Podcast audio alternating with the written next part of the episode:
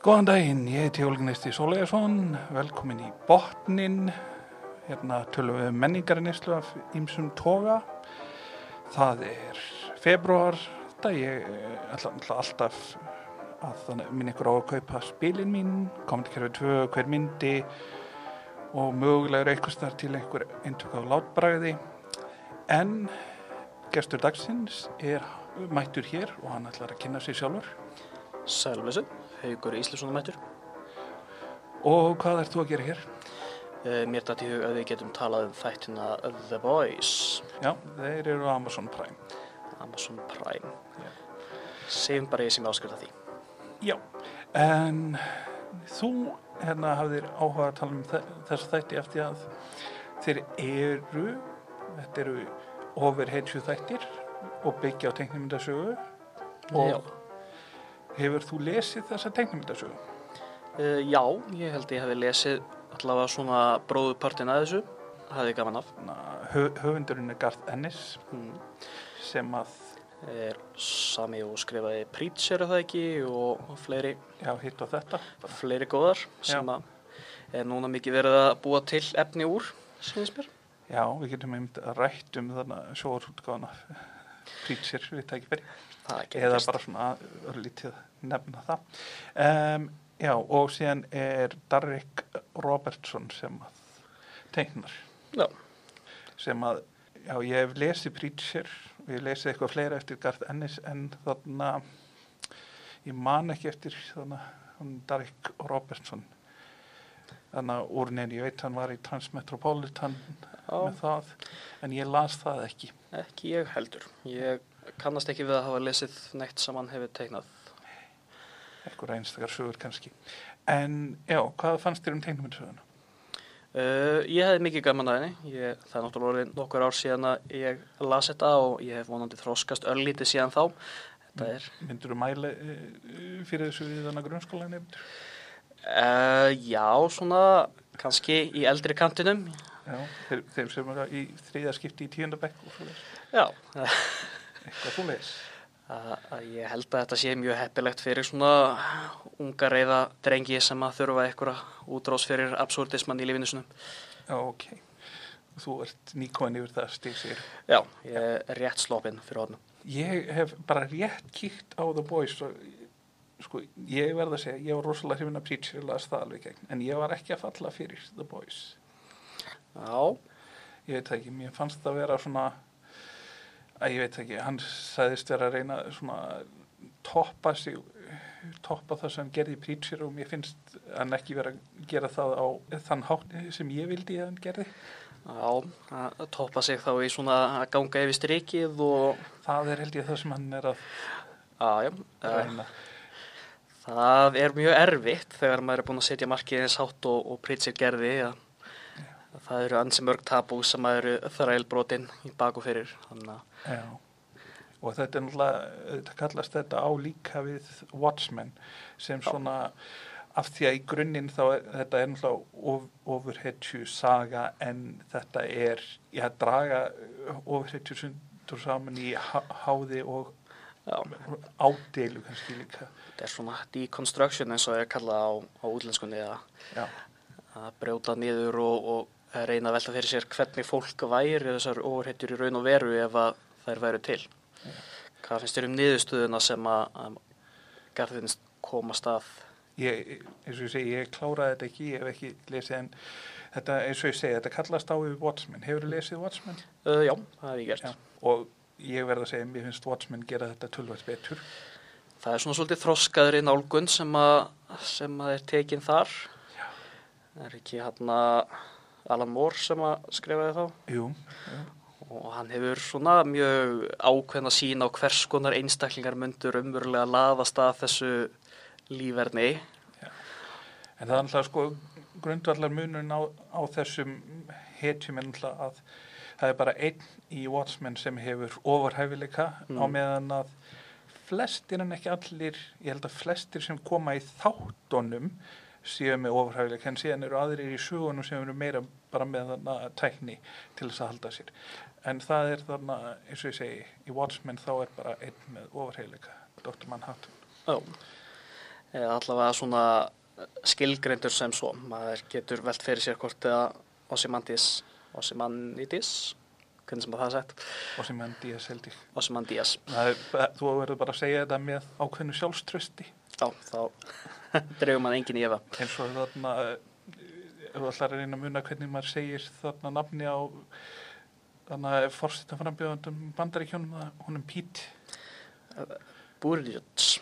Buttigieg Buttigieg ég, ég veit hvernig á að bera það fram en ekki með sjálfströsti þetta er hérna er ég að vísa í síðast þátt þar sem að við Alexandra reyndum að bera fram þetta nafn. Ég held að ég hef unnið sko en ég ætla ekki, að- ekki að segja henni það að ég hef sagt það.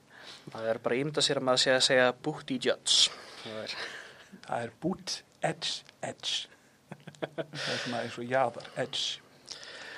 En hér eru við kominir í bandarísk stjórnmál eins og venjulega. En já, þannig að, að ég er mjög hrifinn að Watchmen að bókin þóttum við að vera feiknalega og bara svona með, með því betra sem hefur verið gefið út á þessu graphic novel hérna formi. Uh, myndin sem að gerð eftir því þóttum er bara sæmileg, lokaleg á flestin hátt. Ég er ekki að þú byrja að sjá þættina. Þú Jú. sást þá það ekki. Já, við þannig að Krissi sem þú kannast við, við spjöllum um það Já. og við vorum svona, já, þættinni þar koma ávart. Já, maður verður að fara að sjá það. En hvað, hvað segir um The Boys? Hver, hver, hver er svona, hvað myndir segja að vera munurinn á þáttunum og tegnmyndasögunni? Uh, það er náttúrulega kannski eðli miðilsins að, að þættirnir neyðast þess að vera svolítið uh, markvissari í sögu þróunni að The Boys bækurnar eiga það svolítið til að vera bara svona að velta sér upp úr hana viðbjónum og, og absúrdismannum svona. Bók eftir bók og, og það er svona alls konar upp og komur og eitthvað sem að færa sögutróðin ekkert skelvilega mikið áfram. En framvindan í þáttunum náttúrulega endar á því að vera vera miklu hraðari og þróun persónuna sumulegis, þannig að þeir eru miklu fljótari að koma sér að efninu kannski skiljanlega, þú getur ekki verið að framlega margmiljónu þætti sem að ekkert gerist í svona markvægt Það sem að mér finnst vera svona grundallega munurinn allavega það er að í tegnamöndisögunum þá eru mörg svona overheitslið sem að þeir snúa sér svona að til að strax á þenni fara í stóru stó, stóru the Já. seven. Akkurat, það er til dæmis að, að þeir eru strax komnir í endakallin einhvern veginn í, í þáttunum. Já, með að við að til dæmis þessi Teen Kicks hétta ekki liðið sem, Kicks ég, já, já, sem var svona fyrsta skotmarkið í, í bókunum er sett aftursæti í, í þáttunum. Þannig að þeir eru ekkert að, að býða með það að fara í svona uh, life or death baráttuna. Já. Og það er náttúrulega annað hérna þar sem að ég held að við getum alveg útlista það, það er að í tegnamöndisögunum þá þannig að nota já, maður getur vel ekki kallað hetjunar okkar. Að the boys bara. Já, þeir þannig að nota ofur hetju stera til Já. þess að geta barist í ofur hetjunar að það er eitt af því fyrsta sem að hana, nýliðin í liðinu færir óumbeðin sprauta í hálsinn með já, smá auka bústið til þess að negin og eitthvað tjens í þessar, þessar ofurhetjur sem hann er að fara að slást við. Meðan að það er að með minnir ekkert komið inn á það að, að þeir séu að nota það þó að hetjunar séu hins vegar sumar á. Já, það er líka að samkvæmt þáttunum þá er þetta ofurhetju meðal það er ekkit gott fyrir fullorðna samkvæmt þeirri sögu. Já, að, þannig að, aflsmunurinn sem er til staðar í þáttunum er, er tölvöld meiri heldur en það sem er í bókunum þar sem að hvort að segja að þessi sprauta sem hann fær hérna í byrjunni setja hann á svona jafnan að jafnan grundvöld á við hvað nýja hverjum tíu af hetjunum eða eitthvað svo leiðist þannig að Þannig að, að þá er þessi svona þessi tilfinning fyrir því að þeir eigi raunverulega einhvern sjens í þetta lið sem það er að, að slást við Mhm. er, er miklu raunverulegri. en þá þarna, já það sem að ú- út frá þessu þá náttúrulega er að þannig í sögunum þá er þetta allt miklu þarna meira grátt hver eru góðir og hver eru vondir Já, að, Já. til dæmis með í þáttunum að þá eru þeir mjög fljótir að sína svona svörtustu hliðarnar á þessum business og, og því sem að liggur að baki ofurhetju pælingunni allri að þetta sé allt saman í rauninni eitthvað reist stór stór fyrirtæki sem að stendur á bak við þetta og er að reyna svona misnóta sér aðstöðu sína til þess að græða penning en í, í bókunum þá er þetta meira þannig að að það sé bara einhvern veginn pínu seðspillandi fyrir einstaklinga að vera ofurhetjur. Að þeir leiðist bara út í svona ólifnað og, og skeitingarleysi hvert öðru fólki. Það er alltaf er það, það er upp á sætri í teiknumyndasónum líka þar sem að fyrir, fyrir utan að það gerist í Skotlandi það er eitt, eitt grundvaldamunur alltaf þarna svona aðalsöguhetjan er skosk í þarna. Já, hann Huey að hann sem upprunlega var mótilaður eftir honum hann Simon Pegg. Simon Pegg, já. Sem síðan leikur pappa þarna, þessara pers personu í þáttunum. Já, sem að var pínu sniðugt en ég saknaði það samt pínu að, að það því að í, í bókunum að þá er nærverðan hans er alltaf svona pínu komisk mm -hmm. meðan að, að í þáttunum er hann rosa tragískur karakter eiginlega alveg frá byrjun. Já, alltaf það er alltaf, sko, útlýtslega að sé þá er hann alltaf, þú veist hann er pingu lítill í, í tegnumyndasögun en bara frekar yfir meðalagi já. leikarinn. Hvort að kallar frakkin hann ekki Wee Huey? Le, Le Wee Huey. Eða Petit, ég man ekki. Þannig að, að það er svona gegnum gangandi hann sé lítið út fyrir að vera óskup mikill væskill og það sé svona partur af því sem að gera hann gaglega fyrir þá í, í bókunum að hann er svo sem ekki mikill bóður á að líta. En en já að byrjunaratriði sem að þú nefndir er sem sagt við væntalega meðum segja það það er Já, ekki já. höskuldur Já, það er svona ef þú, ef þú vilt láta koma þér verulega og illilega óvart þá skaltu bara stoppa, stoppa þetta og horfa á svona ég þarf ekki einu svona horfa á fimm mínútur þættinum og Já. þá kemur þetta en annars þá hefur búið að varaði við Þannig að, að það er svona skemmtilega absúrdatrið því það setur svolítið tónin fyrir hversu gróft þetta á allt saman eftir að verða þegar að er ofurhetjan flass ígildi heimsins að það hraðasti maður heims. Þegar hann hleypur óvart í gegnum kærustuna sjúi og maukar hana. Já, og hann stendur eftir með afrifna hendurnar á henni í,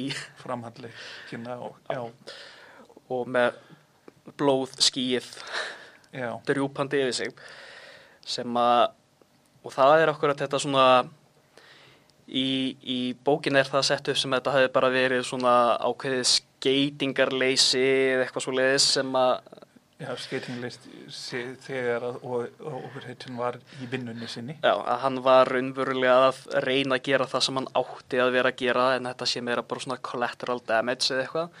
Með að við í, í þáttunum að þá er svona ímislega sem bendir til þess að það hafi uh, verið kannski verri afsökun sem að liggur að baki hvað A-Train var að gera þegar að veri ástæð ekki afsökun. Já, ástæð, ástæðan hefði nú sjálf hefði ekki verið tekinn gild sem afsökun held ég. Uh, nei, það er ekki eitthvað sem hann myndi allavega að segja frá sjálfur að hvað hann var að gera. Þannig að, að svona siðferðislega hérna, útreikningurinn endar svolítið á því að vera minna grár í þáttunum kannski. já, Þó að alltaf eftir því sem álýður þættina þá verður svona skýrara og skýrara einhvern veginn hversu hversu miklir vondir kallar vondukallarnir raunverulega eru. Já, en það tekur góðan tíma í bókunum að koma að því að það hafi einhvern eitt raunverulegt plan um nokkurn skapaðan hlut og það er allt saman bara svona frekar kaotíst og enginn er raunverulega ætla sér nokkurn skapaðan hlut. En ef við tölum um veist, við höfum þarna í þannig að overheitjuliðin aðal sem heitir The Seven, við höfum hann hana A-Train sem er flass í gildið, mm. við höfum The Deep sem er Aquaman. Uh, já, í, í, í þátt og útverslunni þá er hann hann að svolítið hugsaðu sem Aquaman Já, já, Innsetning. ha- Hann er, hann er, hann er nú líka þarna, en er hann eitthvað meira í þannig að Tengmursson, mér, þó ég hef ekki lesið allt, þá, þá sá ég hann bara komið eina línu, hlutverk hans er stækka til muna Já. í, uh, alveg gríðarlega að, að það er líka svona í þáttunum er hann notu, svolítið notaður til þess að personu gera svona marga af þeim slæmu þáttum sem að eiga við um þessar ofurhetjur með að hann er algjörlega bara svona á hliðalínni í, í bókunum. já, er þannig að, þannig að það er tvö hatrið sem að hann eru, já, það, það er sko, hann er, að, er, hann er ofta að reyna að gera rétt, en hún tekst það ekki droslega vel. Hann er stundum mjög vafasamur svona mórölskum þarna og síðan lendir hann sjálfur í þarna aðstæðum þar sem að hann er Já, sem er eftirminnilegt og óþægilegt aðtrið fannst mér allavega.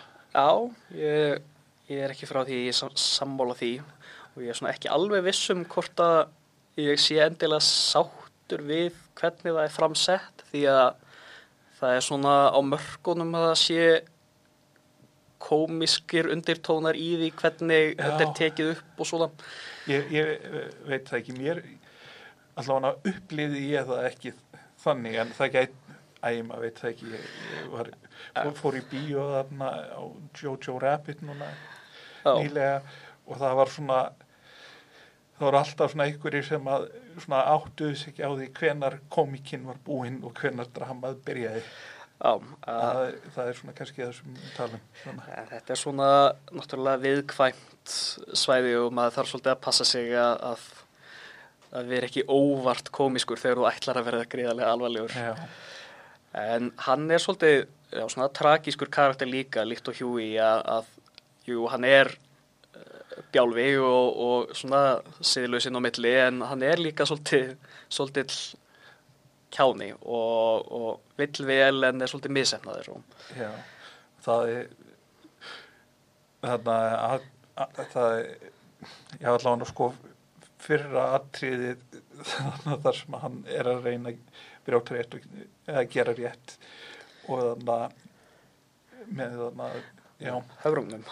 já, höfrunga atrið það var alveg skerfilega sko maður, maður sér svona að svona mannesku gerði þann töluvert sko þrá, þrátt fyrir að þú veist hann kom út eins og halvviti þá var það svona, já en hann er að reyna.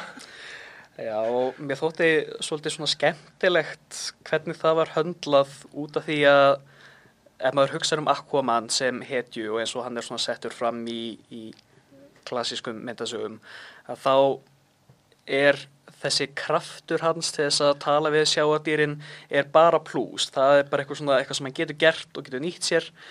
En þarna er hetja sem er með sama kraft og þeir taka það svolítið að raunsæri niðurstöðu hvað áhrif það raunverulega myndi hafa á tilfinningalíðet og hegðum þína ef að þú gætir raunverulega talað við fiska og háhörninga eins og það væri fólk. Uh, og þetta er það náttúrulega ef við lítum að heimin í dag að við erum ekkert að fara skelvilega vel með mikið að sjá að dýrónum okkar þannig að það er svona spurninga já, maður myndi ekki hafa svolítið móral yfir þessu öllu saman ef maður raunverulega myndi tala við þau. Já það er hann hann er ekki svona einfaldur vondugæi eins og maður myndi kannski halda Já, til að byrja með. Og þannig að við erum með uh, og The Deep síðan kemur þarna, já, þarna transparent sem er ósynilegi maðurinn í hóknum sem er ekki, er hann í tegnumetsögunum?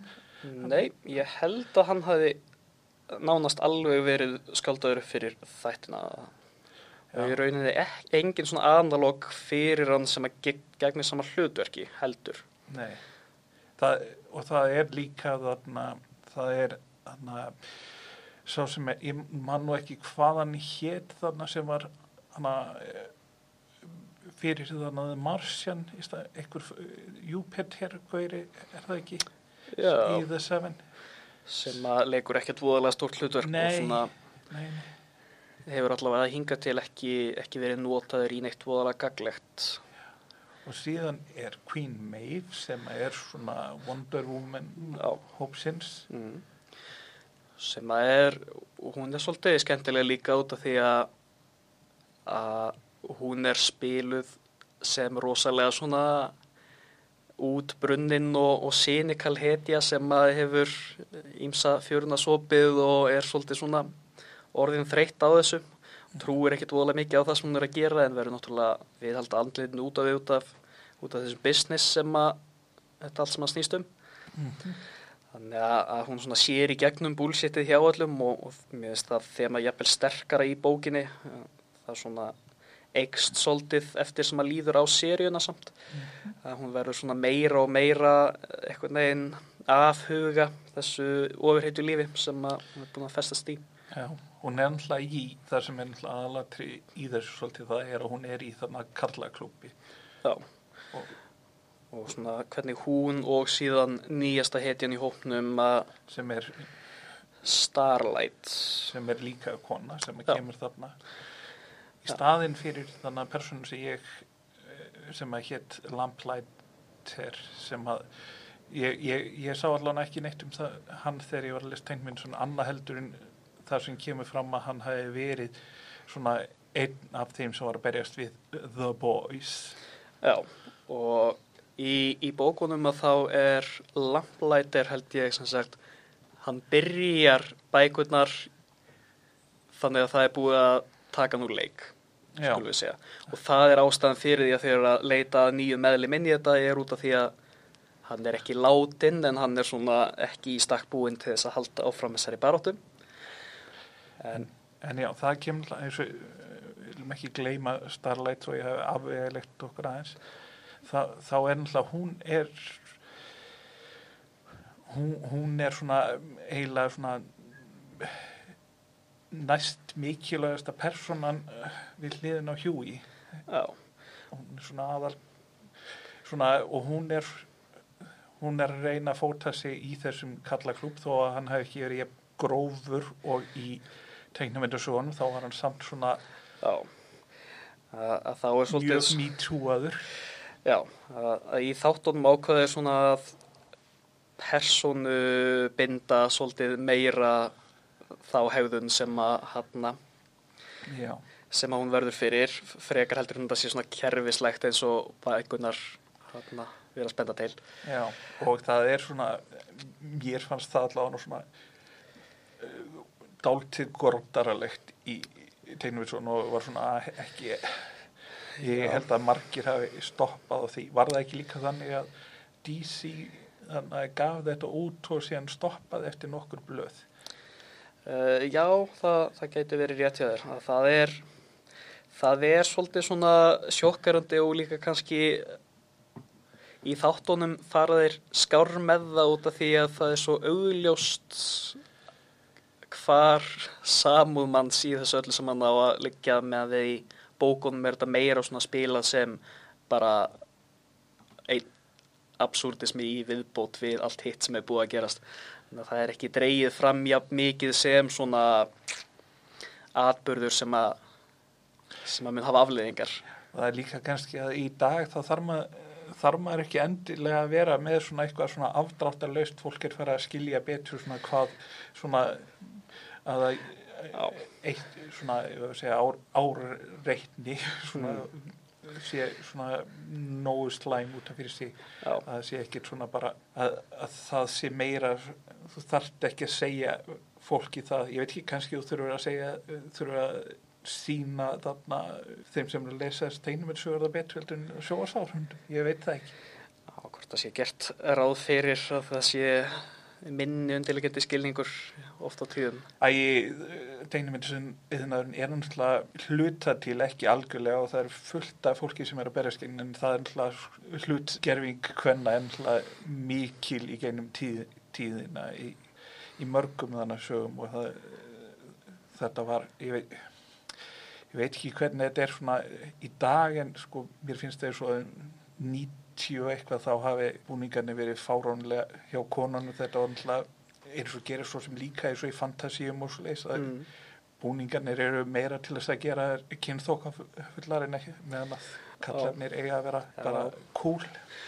Og það má alveg í rauninni gaggarína bækunar The Boys fyrir að vilja svolítið svona geta kökuna og, og haldin eftir líka að þeir eru að gera út á hlutgerfingu og, og svona kynferðislega tóna og, og svo leiðis hluti en á sama tíma að nota það sem svona proxy til þess að gaggarína ofurhetju litteratúrin og, og það. Já, eins og til dæmis þegar að, að þau vilja The Seven þegar að hún Starlight er tekin inn að þá er eitt af því sem að þau vilja láta gera er að endur hanna búningin til þess að vera akkurat svona meira já sína meira. Já, já. sem að er sett upp sem svona sjáið siðspillingu þessa skítuga business sem að er eiga sér stað en samt er Þetta þetta er svona ekki, þetta er svona eins og þegar að fjölmiðlar þannig að eftir að Diana prinsessa dó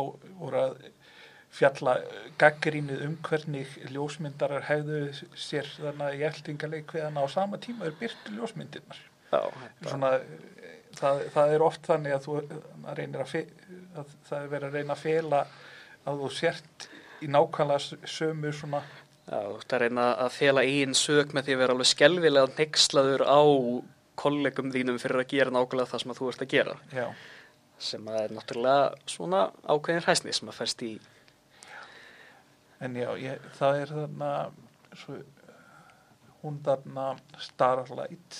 Mm. Er þarna Erin Moriarty Mm. og hún er náttúrulega á, ákvæmlega góð í þessu hluturki, ég held að Garth Ennis sagði að hún hafi náð því að vera þarna uh, naív eða svona en ekki heimsk. Já, að hún kemur hana inn sem svona smábæðastelpa úr Suðuríkjónum, mjög stjörnur í au- Já. augum mikið kristilegt uppeldi og, og svona seðprúð og kemur síðan inn í þennan gjör spilta heim sem að allar gjörsamlega tæta hana í sig og, og hana en og það sem henni finnst eiginlega verst í þáttunum er bara að hún er ekki að gera neitt gagn að sér finnst já að, að hún sé gagslaus, að hún fái ekki tækifæri til þess að raunverulega hjálpa fólki sem er það sem að hún vildi gera Já. með að við að í bókunum að þá er þetta meira svona að hún leit svo mikið upp til þeirra í The Seven og, og það hversu þau standa ekki undir þeim væntingum er svona mest í bömmerinn hjá henni en ég held að sé líka svolítið að líta á uh, Starlight sem svona audience insert karakterinn til þess að, að það er í gegnum hennar augu sem að við sjáum svona innri innviði þessa, þessa business. The Seven og hérna, hvernig er það bara fram? Wow. One. Fyrirtækið sem að rekur Já, what, eða eitthvað leys Já. sem er stór fyrirtækið sem að í rauninni á allar stæðstu ofurhetjunar það eru allar á samning og það er allt metið út frá því hvernig hlutinir Já, hvað er hægt að selja mikið að dúkum og, og hvað, Drasli. hvað þú fær mörg retweet já, sem að er svona já, sem er kannski þarna lí- líka þarna við hugsaum um þarna afstöðu garð ennist þetta er náttúrulega ég man ekki hvernig þetta er þáttunum en þetta en það, nei, í þannig sögu, þannig teiknumyndasögunum en þetta er náttúrulega augljóslega ádela líka á bara teiknumyndasögu yðnaðinn, þú veist hvernig þannig hvernig þetta gengur augljóslega allt út á það bara að reyna að selja leikfeng meðfram það séu oft þannig að stóru. Já að, að hann ímynda sér að jafnvel þó að þessar hetjur væru til í alvörunni að þá myndi þetta samt allt saman snúast um að selja leikfeng og, og tengt mörds Já, sem er náttúrulega mjög cynical afstæða en það er kannski það sem maður býst við af, af verki eins og þessu. Aðalstjarnan í þannig The Seven er náttúrulega Homelander sem við nefnt hann en ekki en hann er sko hann er augljóslega Superman. Já, hann á að vera svona nánast almáttu í ofurhetju maðurinn sem að flýgur og hann skýtur leysergeslu með augunum á sér og, og allt þetta. Já, já, hvernig finnst þér hann vera í þáttunum? Mér finnst hann bara feiknar vel hefnaður í þáttunum. Uh, hann, Antoni Starr leikur hann og mér finnst hann alveg gjörsamlega hafa lúkið. Mm Hann lúkar svo mikið eins og svona hugmynd bandaríkja manna af hvernig svona hinn fullkomni karlmannlegi maður eigi að vera og hann nær bæði að spila sem sagt svona ytri persónu hans sem að er skelvilega sjarmurandi og uppörfandi svona Superman karakter. Svona svolítið smeðjulegur já, En eins Svona- og Superman er svo svona passlega smeðilegur en síðan svona algjöra siðleysið sem að liggur að baki þegar hann er síðan bak við luktadir og, og getur sleft grímunni. Það minnst að ná báðum þessum hluturkum alveg gríðarlega vel ég er bara mjög sáttur við hvernig þið er unnu með hann. Já, Og minnst að jafnvel ganga betur heldur en oft á tíðum í bókunum út af því að þá er hann í svona meiri fjarlægð mestan tíma við sjáum ekki svo mikil, miklu insýn inn í hvernig hann hafa sér já. að Það er, já, spurningum að vera með bóstlagvili strax, strax á stjóran. já, að hann en það líka að, að þættinir leif okkur svolítið að sjá svona samband hans og um, yfirmann sinn hjá fyrirtækinu sem að á hann. Já, þannig að hún Stillwater, það er ennlega eitt sem við þurfum að nefna það eru allavega tvö hlutverk í þarna þáttunum þar sem er búið að skipta út þarna þar sem karlpersona er orðin kvennpersona það er þarna Stillwater og Mallory. Já. Uh, en svo sem að líka virkar allavega í tilviki stilóter mjög vel út af því að það eru svona ímsir ímsir undarlegir hnökrar á sambandi hennar og, og Homelander sem að svona útskýra af hverju einstaklingur með allt hans vald og alla hans krafta er ennþá að púka upp á eitthvað fyrirtæki sem að er að græða á honum sem að meikaði aldrei neitt skelvilega mikið sens í bókunum en þættirnir allavega svona gera mjög heiðarlega og sæmilega vel hefnað tilurinn finnst mér til þess að láta það uh, láta það ganga upp Já, en þannig að þarf að nefna það að hún, já, Stillwell, ekki Stillwater, að það er Elizabeth Shue sem leikur hana. Kann, ert þú of ungur til þess að muna eftir henni? Ég er allavega ekki að tengja við nafnið. Nei, nei, það er, hún, ef, ef, ef þú þekktir meira svona 80s myndum þá þurfa að vera mjög, mjög gladur að sjá hana. maður getur ekki verið alveg fullkominn. En já, ef við snúum okkur að hinuleginu Já, The Boys að það er náttúrulega Huey. Já, og svo er Billy Butcher. Mhm. það er Karl, Karl Urban já, akkurat hann. sem að, sem að leikur hann hvernig finnst þér það ganga upp? Já, ég, maður, hann er, ég veit, ég, hljóma kannski eins og ég sé að tala íllum, íllum þættin að þetta er eins og svo margt annað, hann er meira svona, mann er líkar aðeins betur við hann heldur en þarna per, personuna í, í þarna sögun held ég. Já, ég, ég er ekki frá því. Hann, hann er svona búlsýttur í þarna þáttunum. Já, hann er svona einhver sem getur bara svona komið sér áfram með því að hann bara tala og kjæfta sér áfram og komið sér í það. Og meðan að í sögunni þá hefur hann allavega það sem ég las þá hefur hann eitthvað á bakvið sig. En þannig að í þáttunum þá er hann bara svona hann er svona greinlega eitthvað leiti brotinn. Já, hann er svona hefur ekki það bakland sem að hann myndi vilja hafa mm. en hann næri að tala sig áfram já að ég held að svona stóri munurinn sem að ég sé er að að við fáum mjög seint og síðar meir neina ástæði fyrir því af hverju hann er að gera það sem hann er að gera í bókum að það lítur rosalega mikið bara út fyrir það að hann hafi bara svolítið gaman af þessu. Þetta sé svona hálf satísk áhuga mál hjá honum að hrella ofurheitjur. það er þá hann að kýla upp Já, eh, meðan að í þáttunum að þá er manni gert það ljóst mjög snemma að hann á harma að hefna að, að hann sé akkurat svolítið svona damaged já. og og síðan er, ég ætla ekki að fara en síðan er alltaf snúið vel og vandlega upp á þá þannig sögu, sögu sem er Já.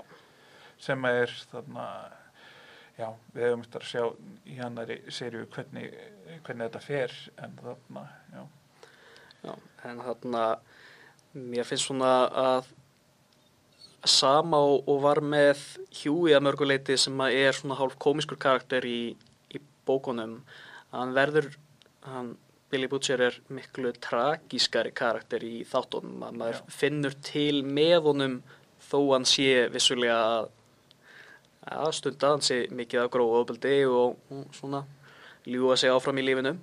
En það er líka svona grunnandri svona meðvið þarna í þáttunum þá eru þeir þarna meðal annars af því að taka ekki þetta ofurheit líf þá eru þeir lítilmagnin. Já, og þá þarna er sko þó að hann sé þó að sé ofbeldi þá er það sko ofbeldi lillamannsins gegn hinn stóra. já, á meðan að þetta er meiri jafnbrettis grunnur þarna í sögunum.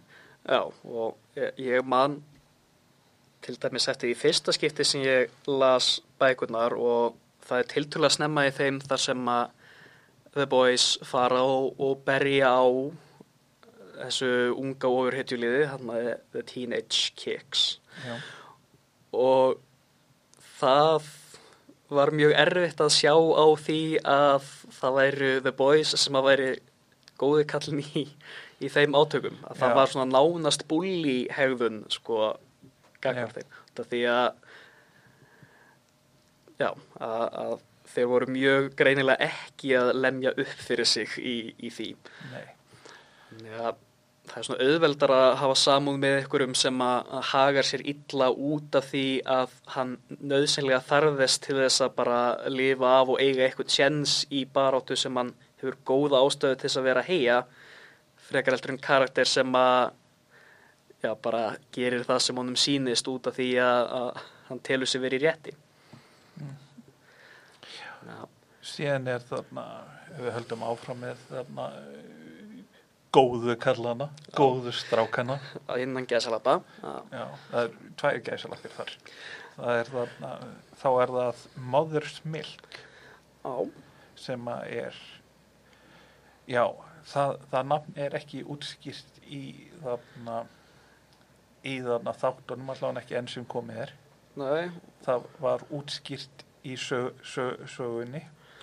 Já, og, og mjög eftirminnilega ég efast með fáum svoleiðis atriði. Nei, það kannski passar ekki alveg inn í, í sjónvart nútímas Nei, og já, hann er ég veit það ekki, hann er svona kannski fyrir ykkar flatur karakter í þáttunum með þá sem er í kringum sig. Já, hann er svolítið að spila svona the straight man einhvern veginn, að vera skinsimisröttin í, í Já, en ég held að það gangi ekkit rosalega vel upp út af því að hann verður bara pínu óáhugaverður, svona Já. í samanbörði við allt annað sem er að gerast í kringum hann. og við höfum síðan Frenzy, Já, hann hefur verið tónaður svolítið niður með við bækunar, Já. hann er ansi over the top í allri sinni framkomu. já, og hann verður svona meiri svona mercenary eh, stemming í honum að hann sé að þegar hann er kynntur til leiksa þá er það þeirri fórsendu að, Billy skuldum pening og eitthvað svona með að við að, að þegar hann byrtist í bókunum og þá er hann bara alveg skelvilega gladur að hitta alla og, og faðmar og kissir alla eins og þrökkunum sæmir já. Og síðan, já, og síðan er þarna eh, einn meðlumur enn sem er þarna sem við held ég að við getum ekki sagt, ég held að það sé of mikið plot point en það bætist við Já, ein persóna þannig viðbútt. Já, sem að er kynnt til söguna tölvöld fyrr og tölvöld annan hátt í, í bókunum en Mhm. þeir ákveða að fara svolítið aðra, aðra leið með í þáttunum. Já, og þeir gefa, gefa þessari persónu meira sann nafn í, í, í þáttunum ólíkt því sem gerist þarna í. Og, og svona án þess að maður farið að, að, að spóila neinu að þá er ég ekki alveg viss um hvort að ég sé sáttur við hvernig er farið með þann karakter. Þetta því að í bókunum er þetta svona ákveði bara náttúruafl Mhm. að, að maður er aldrei í settur í þá aðstöðu að þurfa að velta fyrir sér af hverju viðkomandi er að gera það sem hann er að gera. Þetta er bara svona þetta er bara eins og eitthvað stórsveipur sem að er sleft lausu og hann gerir það sem hann þarf að gera og, og síðan málið bara búið. En, en það er gerð mikil tilrun til þess að gera þetta að innihaldsríkum karakter með uh, tragíska baksugu og Já, en, en, þess, já, en það er líka hennar baks að kemur inn í svona það, það sem er stór breyting á sögunni sem að er þarna hvað segja sem er sem er þarna verður til þe- þess að þarna þættin eru, að vissu leiti ádela á vopnarsölu já, og stríðs, stríðs þarna akkurat Vang. að, að já, hefur að því leiti töluvert svona djúbstæðri tengingu við plottið og svona undirlegjandi þætti í því sem að, sem að eru miklu veiga meiri í þáttunum heldur en í bókunum og er í rauninni ekkert komið inn á í bókunum held ég fyrir bara eitthvað tíman í eftir ykkur 30-40 bækur sem að loksins fer að glitta í svoleiðis pælingar Já. Ég, annars, ég var átt að með að við glemdum allavega einum þarna úr The Seven Já. sem er sem er mað, maðurinn með heimskulegasta nafnið.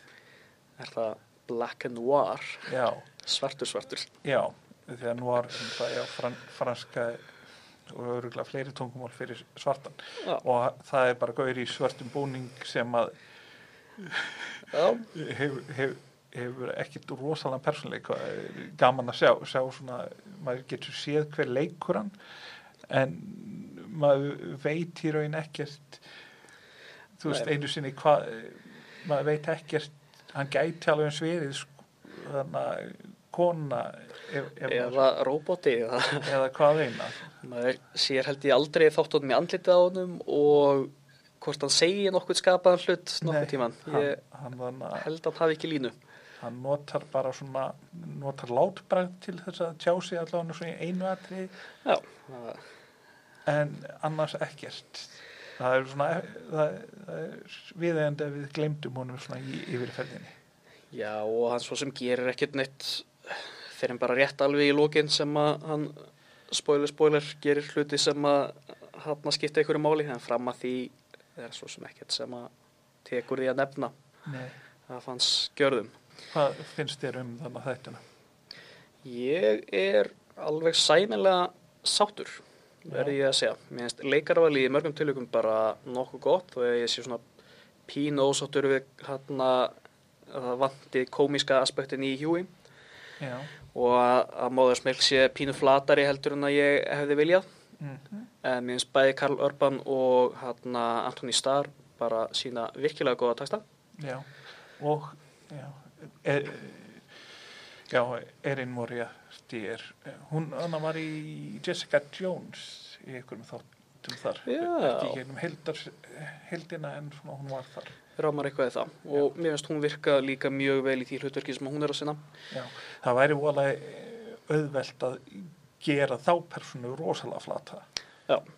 Þetta er ekki eitthvað sem er svona í grunninn svona endilega djúbstætt hlutverk. Nei, og, og sérstaklega í bókunum að þá er hún voða mikið svona fórnalan baðstæðna sem að þeir bæta sem betur fyrir svolítið úr í, í þáttunum. Hann reyndar ég rægt á eitt YouTube-vídeó sem var þarna einhver einhver sem var rosalega hrifin af þannig að tegnumyndsson var alveg var að hvetja alla sína 20.000 áskrifendur í YouTube. Segi ég í hæðnist tónvitum hvað eru margir að hlusta þetta? Það er 30-40.000 en þarna að þarna að horfa ekki á þættinu og ástæðan var svo að það ekki bara þetta var svona ekki eins og sögurnar heldur líka af því að það var þarna eitt þáttur sem hann fannst vera ósangjörn þannig að gaggríni á kristni Já, er það good for the soul þátturinn? Já, það finnst ég þáttur þannig. Já, það er... Sem, sem er sko ef maður ó, þú veist það var vissulega einhver ádela en það var ekkert grottaralegur svona varðandi svona? Nei, nei, svona miða við ádeilin á, á kapitaliska partin að þessu og, og allt annað sem þetta tekur fyrir að þá er þetta nú ekkit Nei, sérstaklega svona fannst mér skrítið að hann sagðist vera hrifin að preacher en fannst þetta einhvern veginn ganga á lánt Já, það þykir mér mjög undarlega afstæða að taka. Því að preacher, hann, preacher, já gengur allt saman út á að Guð sé asshole. Já, er náttúrulega svona eitt sem við nefndum ekki. Hva, hvernig finnst þér takast til með þess að þætti með hvernig preacher tókst?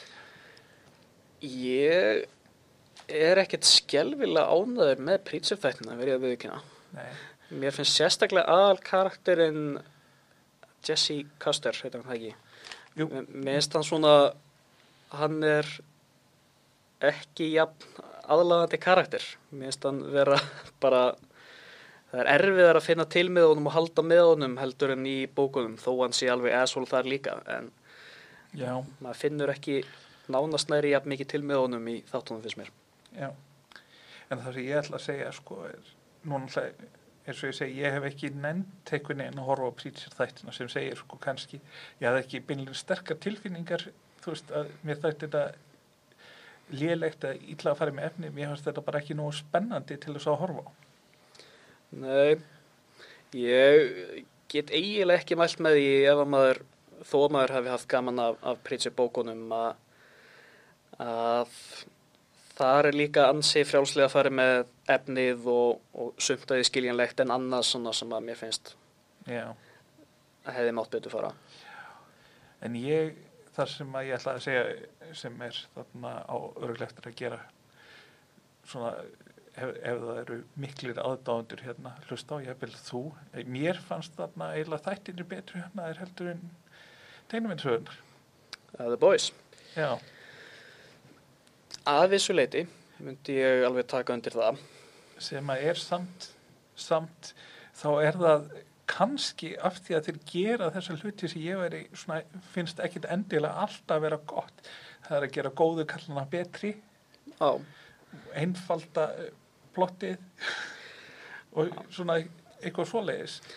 Já, ég held að, að svona stóri kosturinn við hvernig þeir ákváðu að taka þetta fyrir er að fókusin er skertur alveg greiðarlega. já, Að bækunar eru lengi að koma sér að verki og, og svona, en þarna er bara sex þættir, eða ekki? átta Átta þættir og það er bara knappur, knöpp framvinda, sögðráðurinn hangir vel saman, þú veist, maður skilur allt orsakasamingið og þetta er þétt, þetta er Já. þokkalega vel skrifað og mér finnst vel farið með þó að þeir breyti í þessu.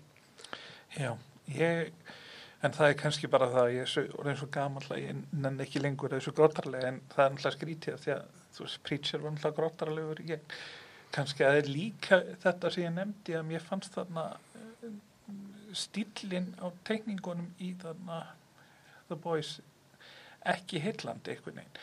Það var svona stundum sem hann jáðræði við að vera svona eh, einhver leiti verið svona upp, dreigið upp af ljósmyndum svona á köflum. Já, ég, hann reyndar heillar mig pínu, sko, eins og hann er teiknaður í, í bókunum. Akkurat og mér finnst þessi lýsingkjáðir ekki vera raug, en ég fíla það. Já, Þetta lúkir svona pínu eins og þetta séu akkurat svona eitthvað núar myndir sem maður er búið að bara lita. já, akkurat. En við erum allavega sammála um það að það má horfa á The Boys.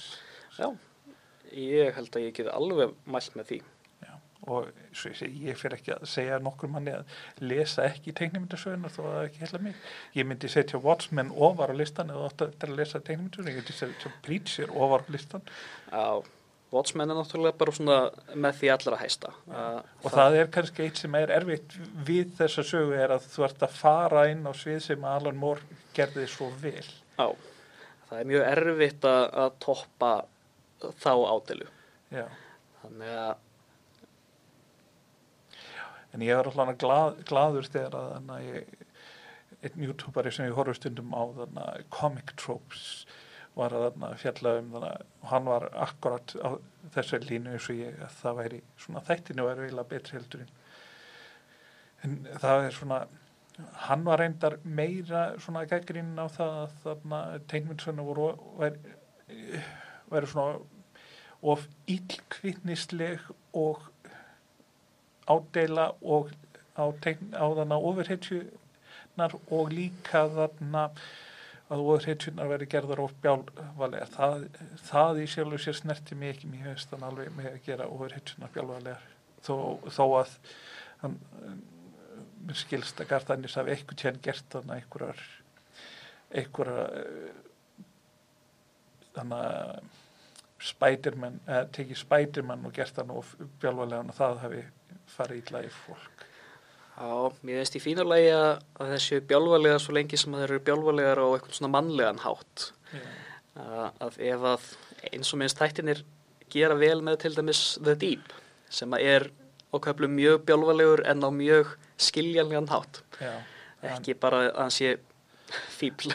já, hann er já, hann er já, ég er svo sem er svo ég hef aldrei lesið Aquaman, ég sá ekki, ég hef ekki séð mynd, ég var ekki gerð mynd ég tók varlega eftir því. Já, ég sá Aquaman í flugi og ég var ekki með heyrnatól með mér þannig að ég gæti ekki hlusta á hann á sama tíma. Já, og það var grenjandi badni hlýðan á mér allan tíman þannig að, þú ætlar ekki að segja hafa hafa neina alls þeirra skoðan á því?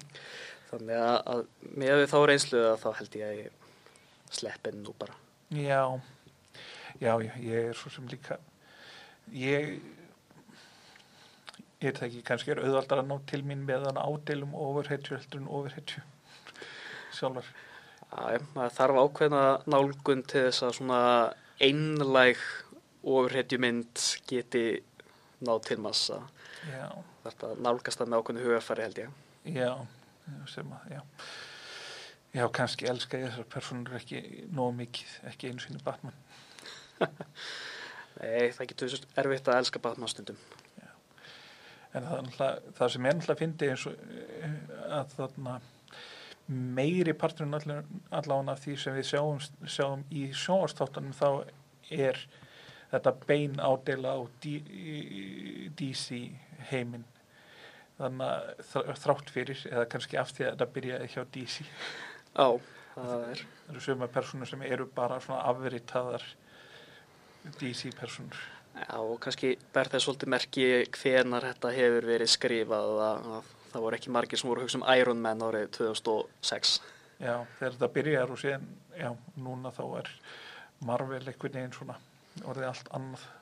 Já, það er búið að taka sér tóltið stærra pláss í, í hugum almennings held ég heldur en var áður en að Já. fóru að gefa út þessa nýjustu röðamyndum. Já, en já, við, við ætlum held ég bara að fara að segja þetta gott í dag. Það hljóma vel. Þetta er öruglega fín tímasetning ef við kemur svo loftið því bara eru inni að hlusta á podcast í stað þess að na, fara í vinnuna. Ég held að það sé þessu rauða ástandi Já, fyrsta rauða viðvörun í sögu þjóðarinnar á höfuborgarsæðinu. á höfuborgsvæðinu. Já, og síðan að kerfið var tekið upp fyrir örfáum árum. Já, Það hljómar betur eins og ég sagði það. já, já. Ég, akkurat, það hefur aldrei áður komið vond tveður á Íslandi. Góð saga og aldrei að líða fyrir sannleikan. En já, um, þakka þér fyrir hökkur. Ég ætla að þakka þér sérstaklega fyrir að vera ekki óhóflegur í hörskuldunum mínum í þetta skipti. Ekki, vera, ekki svona drita þeim niður til þess að, til þess að ég þurfi að þarna þrýfa upp eftir því klippingunni. Batnandi mönnum er best að liða. Og fær kannski að koma aftur, sko. Aldrei að vita. En er, ég ætla að þakka þér fyrir Þakka þér sumulegis. og já, ég, hei, kaupið spilin, kommentarkerfið tvö, hver myndi og kannski lát bara, það er, þau eru frábær og skemmtileg og ég, ég gerir skemmtileg spil. Það er satt. Já, þið heyrðuð hann segja það. Já, já, þakka þið fyrir komuna. Þakka ykkur fyrir að hlusta. Verði ykkur góð.